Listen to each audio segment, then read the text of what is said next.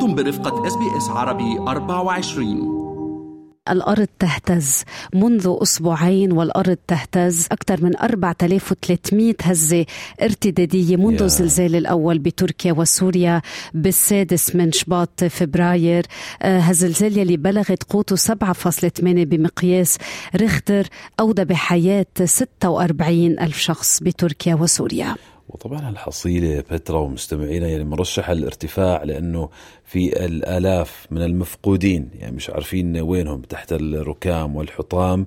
عم نحكي عن تركيا وأيضا شمال غرب سوريا وإذا بنحكي عن سوريا منطقة سكانها عانوا الأمرين يعني من حروب آه، لأكثر من 12 عاما.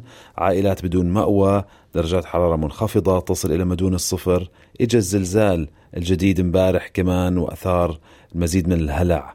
ودب الرعب كمان مرة يا حرام في قلوب سكان هالمناطق المتضررة. زلزالين جداد يلي حكينا عنهم امبارح تركوا وراهم ثلاث قتلى أكثر من 200 جريح بحسب وكالة الأناضول. كمان اليوم هالزلزالين كانوا قوية فارس يعني 6.4 و5.8 على مقياس ريختر. عم يجيني صور من ناس بعرفهم بلشوا يحضروا وين بدهم يتخبوا لأنه كل ما شعروا بشيء آه، بخافوا وهذا الخوف اليوم محق. شعور الثبات دائما بنحكي عنه من أول ما بلشت الأزمة الواحد بس يحس الأرض تحت رجلين هزت. شعوره بالاستقرار بصير مهدد يعني حتى بعد انتهاء الزلزال شعروا فيه الناس بلبنان بالأراضي الفلسطينية. هالقد قوي كان. هل لأنه المنطقة على صدع زلزالي متوقع؟ آه، يعني هالموضوع متوقع وعم بيصير كل كم من سنة؟ خلينا آه، نرحب معا بضيفنا لهذا الصباح خبير جيولوجي وخبير الزلازل دكتور باهر زغلول. أهلا وسهلا فيك دكتور باهر شكرا لوقتك معنا هذا الصباح. أهلا بك يا فارس أهلا بك يا فترة. شكرا لاستضافتي. صباحك نور. يعني دكتور باهر يا ريت عندك الأجوبة. بعرف إنه السؤال الأصعب. وكتار بيقولوا إنه ما حدا بيقدر يتوقع الزلزال قبل حدوثه. كنا قرأنا قبل قبل آه، زلزال السادس من شباط فبراير. بعض التكهنات الجميع متخوف ومتخوف جدا. ما إذا كان هناك كمان هزات ارتدادية كبيرة. آه، شو الكلمة العلمية؟ وإذا ما كان هناك في كلمة علمية. هي التوابع وبالإنجليزي aftershocks دي نتيجة طبيعية لحدوث زلزال. في السوابق اللي هي اللي بتحدث قبل وفي التوابع اللي هي بتحدث بعد. الاثنين بيتوافقوا مع الزلازل في الحدوث. الزلزال اللي حصل في تركيا ده يمكن 5% من الزلازل اللي في الدنيا اللي بتحصل اللي بيحصل فيها aftershock مساوية تقريبا لل main shock اللي حصلت. أه. ما بيحصلوش في نفس المكان بيحصلوا دايما على نفس آه، الفالق على نفس ال fault line الفرق بينهم تقريبا حوالي 100 كيلو. آه، الاثنين تقريبا على نفس العمق. المنطقة منطقة تقريبا فيها التجمع لضغط جاي من ال Arabian plate ال Anatolian plate ال African plate الثلاثه ال African plate ده ده منفصل لوحده. ال Anatolian وال Arabian ده جزء من ال Asian plate anyway بس الاثنين في فالق هناك حصل فيه الكسر دوت. فالفالق دوت ما هوش عالي النشاط.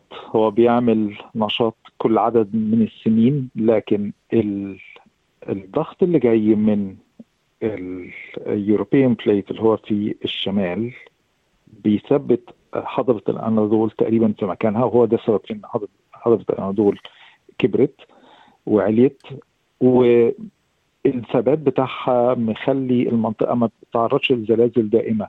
فبتبني ضغط في طبقات وعلى الفواصل بتاعتها إلى مستوى عالي. المرة دي التفريغ الضغط ده حدث في وقت تقريبا قصير لأن مع من أول القرن تقريبا العشرين حصل لغاية تقريبا آخره. في الفالق دوت مش أكتر من 8 أو 9 زلازل رئيسية كلهم ما وصلوش للسبعة. كلهم كانوا أقصى واحد فيهم وصل للستة. فالمنطقه الحاصل دلوقتي إن ده الضغط أو كمية الضغط اللي اتبنت بتتفرغ اتنين جامدين جدا اللي هو 7.8 و 7.7 اللي حصلوا فرق بينهم تسع ساعات. دول فرغوا جزء كبير. دلوقتي إحنا في التوابع. التوابع دايما هتبقى أقل. أتمنى ذلك. ما أقدرش أجزم. بس لسه لأنها ما بتحصلش في نفس المكان بتحصل على مسار الفرق. مقلق والله يا دكتور هذا الكلام ولكن طبعا حضرتك عم بتحكي لنا كلام علمي وواقعي. البعض بتخوف من هالكوارث الطبيعية بالدول العربية. وكنا هيك قرأنا أنا وبترا تقارير بتحكي المنطقة العربية بأكملها يعني ليست بمنأى. عن التعرض لهزات أرضية بقول لك أكثر من حزام زلزالي في المنطقة يعني بوصلوا على العراق في عنا هذا الحزام الزلزالي اللي من تركيا سوريا لبنان والأردن ويصل إلى مصر حتى يعني دكتور باهر بالإضافة إلى كوارث طبيعية أخرى يعني بتعرف درجة حرارة قاسية وعالية وجفاف وفيضانات وغيره. هل بتلاقي المنطقة العربية تحديدا يعني بالفعل معرضة يعني وعلى مدى التاريخ لخطر الزلازل أيضا. حلب بصفة عامة بسبب هذا الفالق اختفت من على ظهر الأرض تقريبا من حوالي 200 سنة. الواقع في الأمر إن الزلازل هتحدث بس مش بالنشاط الزايد. النشاط الزايد هيبقى حوالين المحيط الهادي ال Pacific.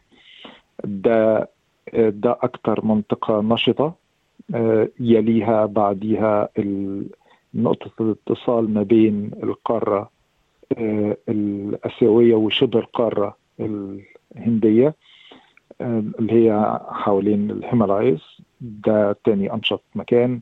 والأماكن الأخرى اللي هتمتد تصل إلى المنطقة العربية المنطقة العربية ما فيش فيها مناطق عالية النشاط البحر الأحمر ده فالق شمال البحر المتوسط فالق البحر الأسود فالق كل دول بيقعوا على فوالق. في فوالق الداخلية كل ما الفالق كان قريب على نهاية البليت كل ما يبقى النشيط أكثر. ففي الأناضول في ثلاث فوالق تقريبا نشيطة بس برضه نشاطها مش عالي. المنطقة العربية الناحية الثانية لو رحنا ناحية العراق وكملنا على إيران فالنقطة ما بين الاتصال في شمال إيران وفي عدد كبير من الفوالق برضو في المنطقة ديت. ففي كل مكان هيبقى فيه فالق ما درجة النشاط بتاعته تتوقف على عوامل كتير. واحدة منهم هل في حواليه مرتفعات وجبال وما يسمى بالإيرث ماس اللي بيثبت الفالق ده ولا لأ؟ لو في كويس. لو ما فيش هيبقى نشط وبيعمل في مشاكل كتير زي ال Pacific Rim of Fire لأنها غالبيتها كلها الكبير فيها جزر مش مساحات كبيرة. فبالتالي ما فيش تثبيت لل tectonic plates في هذا المكان. إحنا عندنا مساحات كبيرة متثبتة. فاللي بيحصل إن الضغط بيزيد إلى نقطة عدم الاتزان وبيحدث زلزال. فما ما بيحصلش عندنا الزلازل بشكل كبير لكن بتحدث. ما نقدرش نمنع إنها الزلزال دوت يعتبر زلزال من الزلازل القوية جدا لأن ما فيش حاجة بتوصل للأرقام دي. وحاجة بتقف على الأرض بصراحة. دكتور باهر تحدثت وقلت أنه الهزات الارتدادية تحصل على مسار الفلق وليس في نفس المكان. كيف بتفسر قوة الزلزالين اللي حدثوا مؤخرا 6.4 و 5.8 بمقياس ريختر؟ وشو لازم يتوقعوا الناس؟ يعني الناس خايفة عمليا. شو لازم ياخدوا احتياطات ليقدروا على القليلة نحمل أرواح ونقلل من عدد الضحايا؟ في حال رجع صار هزات ارتدادية قوية. لو بصيتي يا بترا على اللي حاصل هتلاقي إن الزلازل تقريبا ماشية في مسار من الشمال الشرقي إلى اتجاه الجنوب الغربي. وماشية مع مسار ال East Anatolian Fault الفالق في شرق الأناضول. اللي هيحصل إن على هذا الفالق هيفضل الزلازل تحدث واحد ورا واحد ورا واحد كلهم بيفرغوا في الضغط اللي اتكون عليه. إيه اللي الناس تقدر تعمله؟ باختصار مش هيقدروا يعملوا شيء كتير غير إن هم ياخدوا احتياطاتهم. ولو كان البيوت أصيبت بضرر فالبقاء في هذه البيوت اخلاء هذه البيوت نعم.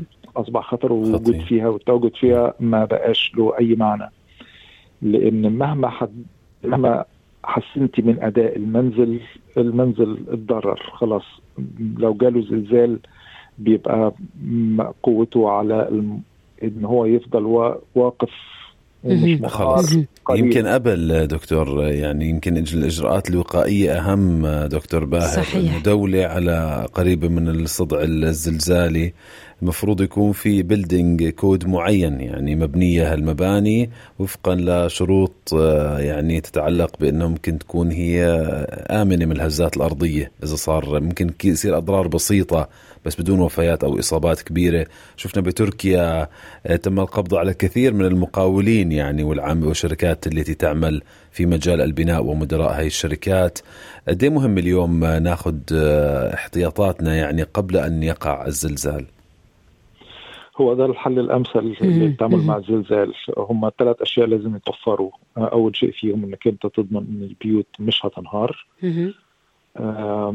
تاني شيء إنك أنت لازم يكون في عندك آه، خطة كاملة بإيه اللي ممكن تقدر تعمل لإنقاذ الناس ديت.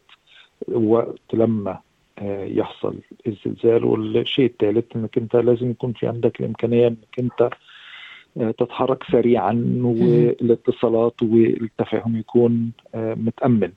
فدول الثلاث أشياء اللي حصل في تركيا آه، يمكن الحكومة بتحاول إنها تخفف الضغط لكن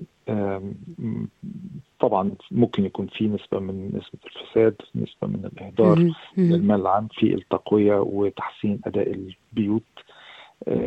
لكن 7.8 و 7.7 دول مش زلازل طبيعية. دي زلازل هتشيل أي شيء.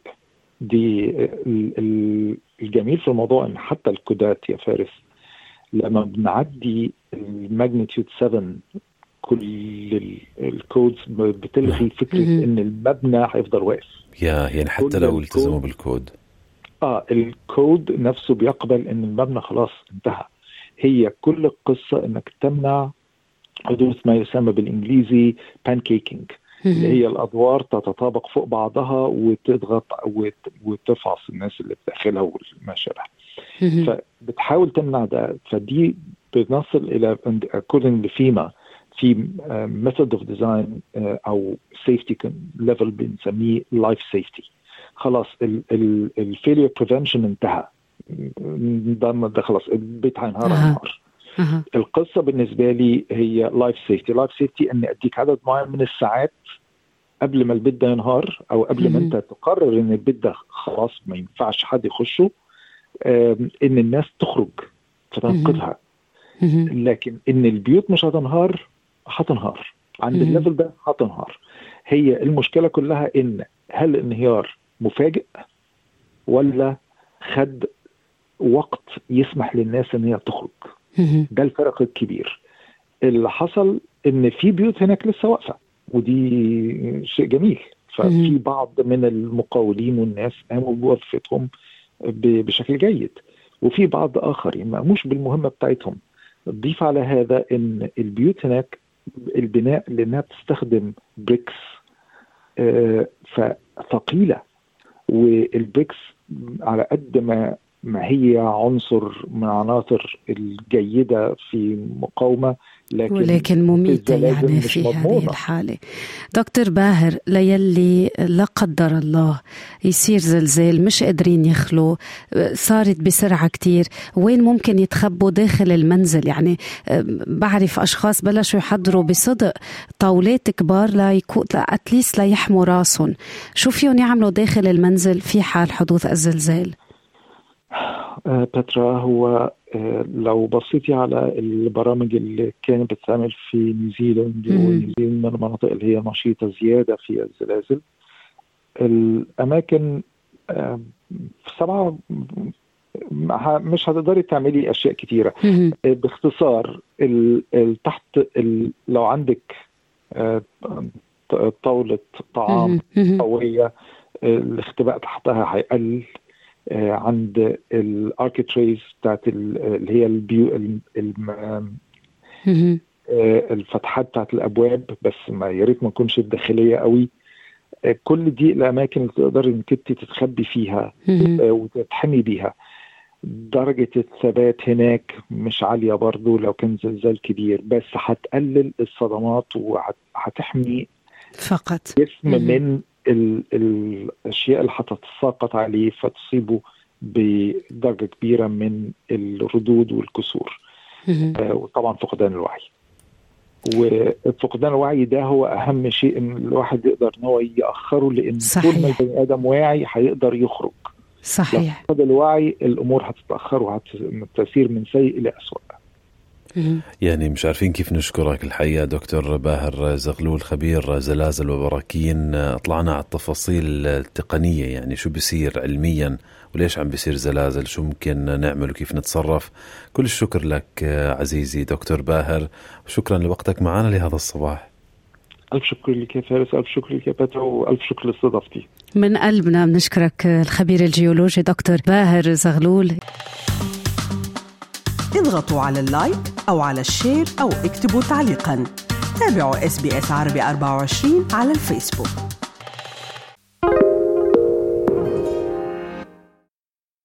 استمعوا الآن إلى الموسم الثاني من بودكاست أستراليا بالعربي. أحدث إصدارات إس بي إس عربي 24 يأخذكم في رحلة استقرار بعض المهاجرين العرب ويشارككم بأبرز الصدمات الثقافية التي تواجههم عند وصولهم إلى أستراليا.